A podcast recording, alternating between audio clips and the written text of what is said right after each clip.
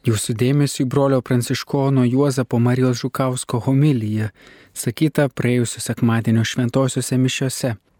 Antroje laidos dalyje girdėsime popiežiaus pranciškaus katechezę apie maldą šeimoje, kurią perskaitys kunigas Aivaras Jurgilas. Evangelija pagal Luką. Kartą Jėzus vienoje vietoje meldėsi. Jam baigus maldą, vienas mokinys paprašė. Viešpatie, išmokyk mus melstis, kaip ir Jonas išmokė savuosius mokinius. Jėzus tarė jiems, kai melsitės, sakykite, Tėve, te esie šventas tavo vardas, te ateinie tavo karalystė.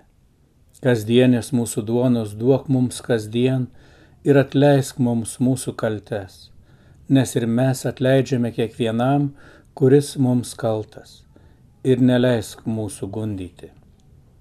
Jėzus dar kalbėjo jiems.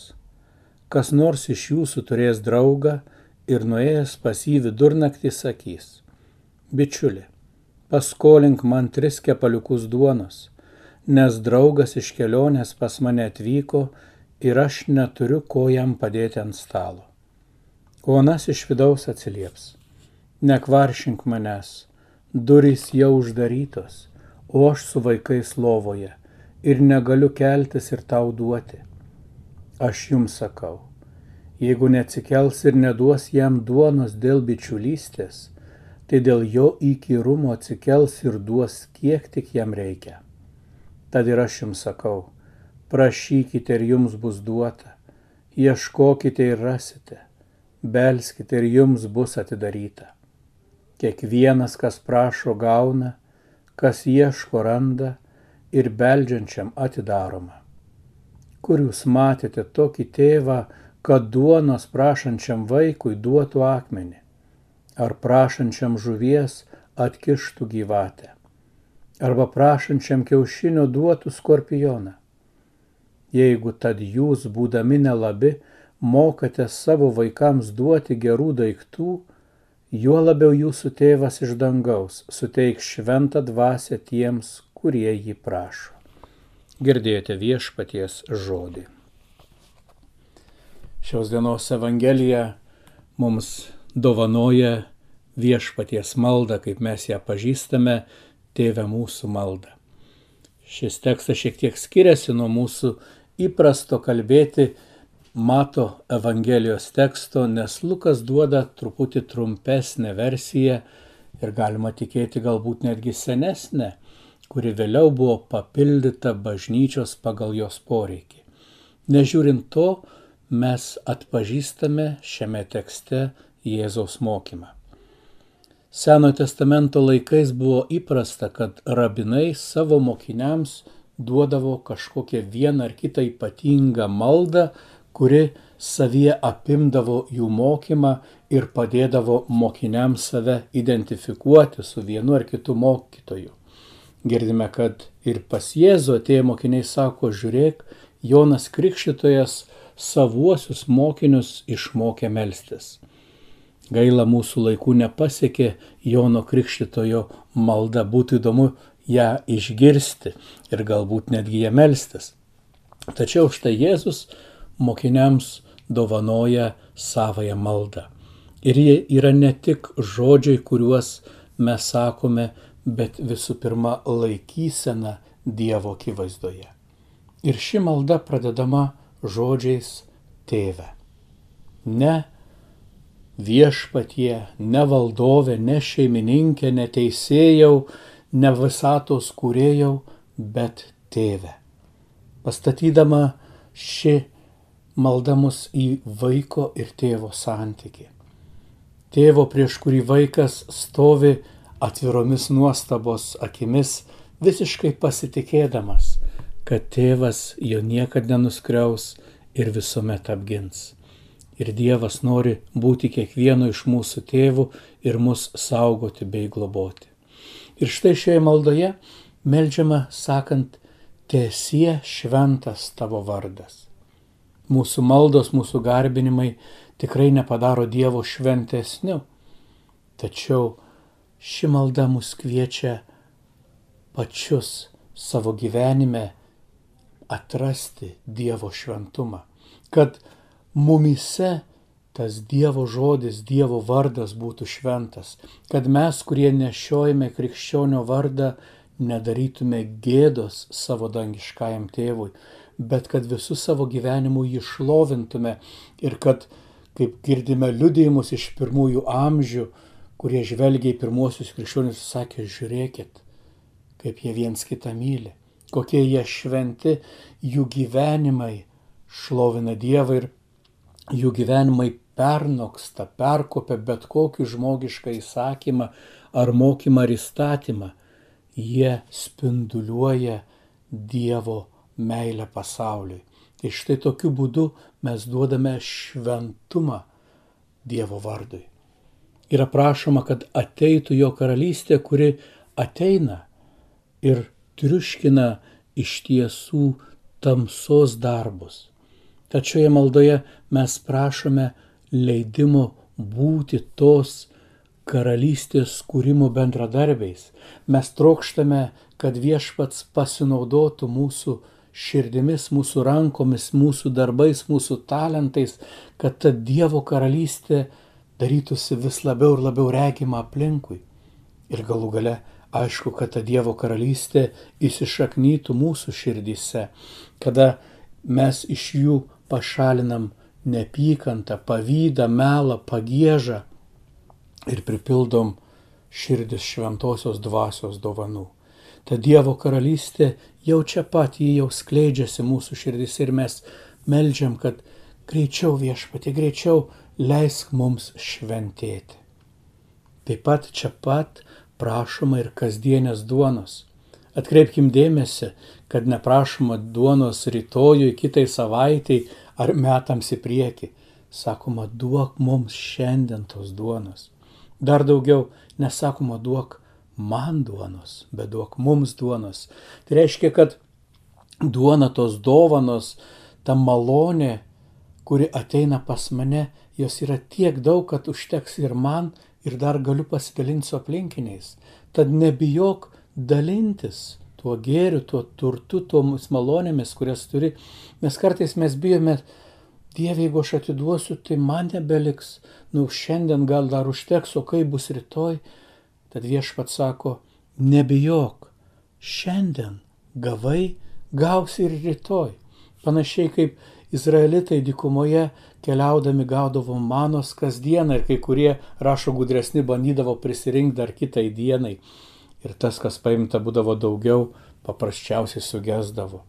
Ir atkreipkim dėmesį, kiek kartų mes irgi išmetam, kad ir paprastas maistą, rūbus, kurių nesunešiojam, kuriuos suėda kandis, kur galėjom pasidalinti ir tapti Dievo malonės dosnumo dalininkais. Tad nebijokime dalintis tą duoną, Dievas jos kasdien mums parūpins. Ir taip pat ta duona atspindi ir tuos gerus darbus, kuriuos mes galim padaryti. Nebijokime jas daryti kiekvieną dieną. Mes galime būti tos duonos nešėjais savo broliams ir seserims. Ir galiausiai malda užbaigiama prašymu nevesti pagundą.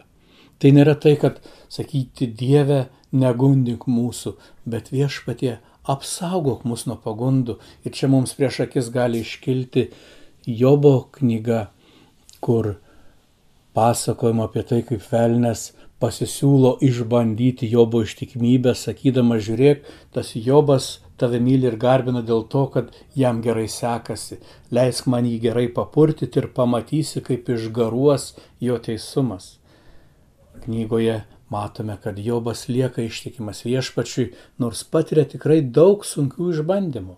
Ir štai čia mes irgi esame tarsi pastatomi tą akivaizdą Dieve, aš žinau, kad išbandymai yra tam, kad aš galėčiau įrodyti savo ištikimybę, bet tegul jie mane aplenkia, tegul jie nebūna per stiprus. Galų gale Dieve neleisk man pradėti didžiuotis, kad štai aš pats čia viską tiek galiu. Leisk visą laiką atsiminti, kad tik tavo globos dėka mano išbandymai nėra per sunkus. Kaip lengvai mes nuteisiam brolį ar sesę puolus į kažkokią nuodėmę, bet mes net nežinome, kokie sunkumai, kokios situacijos jų gyvenime susiklosti. Ir jeigu mums būtų taip nutikę, galbūt mes dar baisesnėje duobėje ir pelkėje būtume atsidūrę. Tačiau dėkojime Dievui, kad buvome apsaugoti, kad mūsų širdis, mūsų gyvenimai, mūsų troškimai nebuvo taip stipriai išbandyti, kad jie turėjo tiesiog būti sutrupinti. Dieve, ačiū tau, kad leidi man išvengti per didelių išbandymų ir kančių. Nu, jeigu jie užgriūna mane, aš pasitikiu, kad jie nebus didesni, negu aš galiu pakelti. Šios dienos Evangelijoje malda papildoma dar dviem tokiais palyginimais apie bičiulį, pas kurį atvyksta draugai ir prašosi duonos ir apie tėvą, kuris duoda gerų dalykų savo vaikams. Pirmasis pasakojimas mus moko atkaklumo maldoje. Sako, prašykite ir gausite, belskite ir jums bus atidaryta. Bet ar galėtum pagalvoti, negi čia Dievas nori, kad mes tiek daug jau jo prašytume. Ne, iš tiesų tie prašymai, tie maldavimai yra tam, kad išmokytų mūsų širdis priimti Dievo dovanas. Kaip mes ir kalbėjom, kad mes ne tik prašytume savo, bet mokėtume dalintis tuo, ką turime, kad mokėtume šventumą skleisti aplinkui, kad mūsų širdį šventėtų. Taigi tas prašymas, atkaklumas yra iš tiesų meldimasis Dieve, daryk mane šventesniu. Dieve, mokyk mane būti tuo tekančiu šaltiniu, per kurį tavo malonės pasiekia šalia esančius. Bu, mokink mane būti tuo vynmedžio šakelė, per kurį tavo syvai, kuriuos gaunu iš tavęs kaip gyvojo kamieno, tekėtų į tuos lapus, į žiedus, į vaisius, kuriais galėčiau pasidalinti su kitais. Na ir aišku, tėvas, kuris duoda gerus dalykus savo vaikams, kuris neduoda nieko, kas mūsų pakenktų.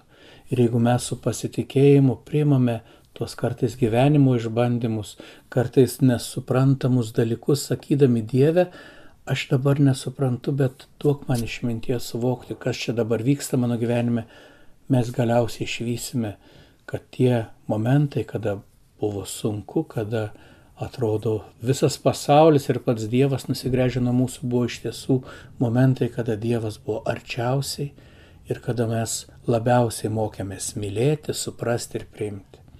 Taigi tegul šios dienos mąstymas mums duoda troškimą melstį, kad Dievo vardas būtų šventas mūsų gyvenime ir kad ta kasdienė duona, kurią gauname, būtų proga pasodinti prie mūsų dosnumo vaišių stalo bičiulius ir esančius šalia. Tu Dievų. Girdėjome brolio pranciškono Juozapo Marijos Žukausko homiliją iš praėjusio sekmadienio šventųjų mišių. Po muzikinės pertraukėlės girdėsime popiežiaus pranciškaus katechezę apie maldą šeimoje. Ja perskaitys kuningas Aivaras Jurgilas.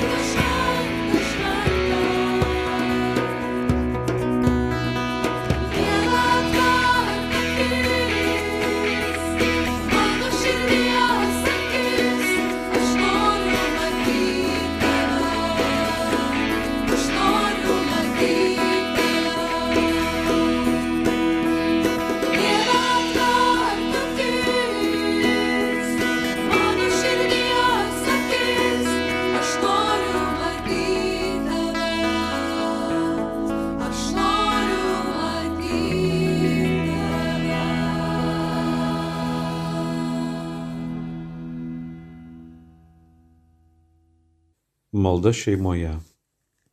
Apmastę, kaip šeimoje išgyvenamas šventimo ir darbo laikas, dabar pasvarstykime apie maldos laiką. Dažniausiai girdimas krikščionių nusiskundimas siejamas su laiku. Turėčiau melstis daugiau. Norėčiau, bet dažnai neturiu laiko. Tokius dalykus girdime visą laiką. Šis apgailestavimas iš tikrųjų nuoširdus, nes žmogaus širdis visuomet trokšta maldos, netgi jam nesuvokiant. Jei širdis to neranda, neturi ramybės. Tačiau norėdami ją rasti, turime savo širdyje puoselėti karštą Dievo meilę, nuoširdžią meilę. Užduokime savo labai paprastą klausimą. Gera tikėti Dievą visą širdimi. Gera viltis, kad Jis mums padės užlupus sunkumams.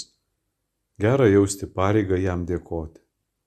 Visa tai yra teisinga.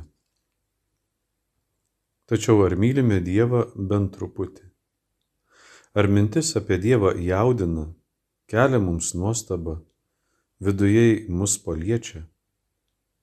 Pamastykime, kaip suformuluotas didysis įsakymas, kuriuo grindžiami visi kiti. Mylėsi viešpatį savo Dievą visa širdimi, visa siela ir visomis jėgomis. Palyginti Mato Evangelijos 22 skyrius 37 eilutė. Šioje formuluotėje vartojama intensyvi meilės kalba, ji nukreipta į Dievą. Čia visų pirma buvoja maldos dvasia ir jei ji ten buvoja, buvoja visą laiką ir niekuomet mūsų nepleidžia. Gal galime mąstyti apie Dievą kaip apie glamonę, kuri išlaiko mus gyvus, pirmiau kurios nėra nieko. Glamonė, nuo kurios niekas, net mirtis negali mūsų atskirti. Ar mastome apie jį, tik kaip apie didžią būtį, visus dalykus sutvėrusi visą gali, teisėją, kontroliuojanti kiekvieną veiksmą.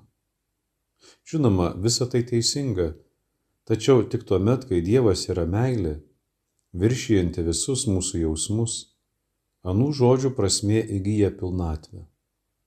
Tuomet jaučiamės laimingi, net jei ir truputį sutrikę, nes jis apie mus galvoja o pirmiausia mus myli.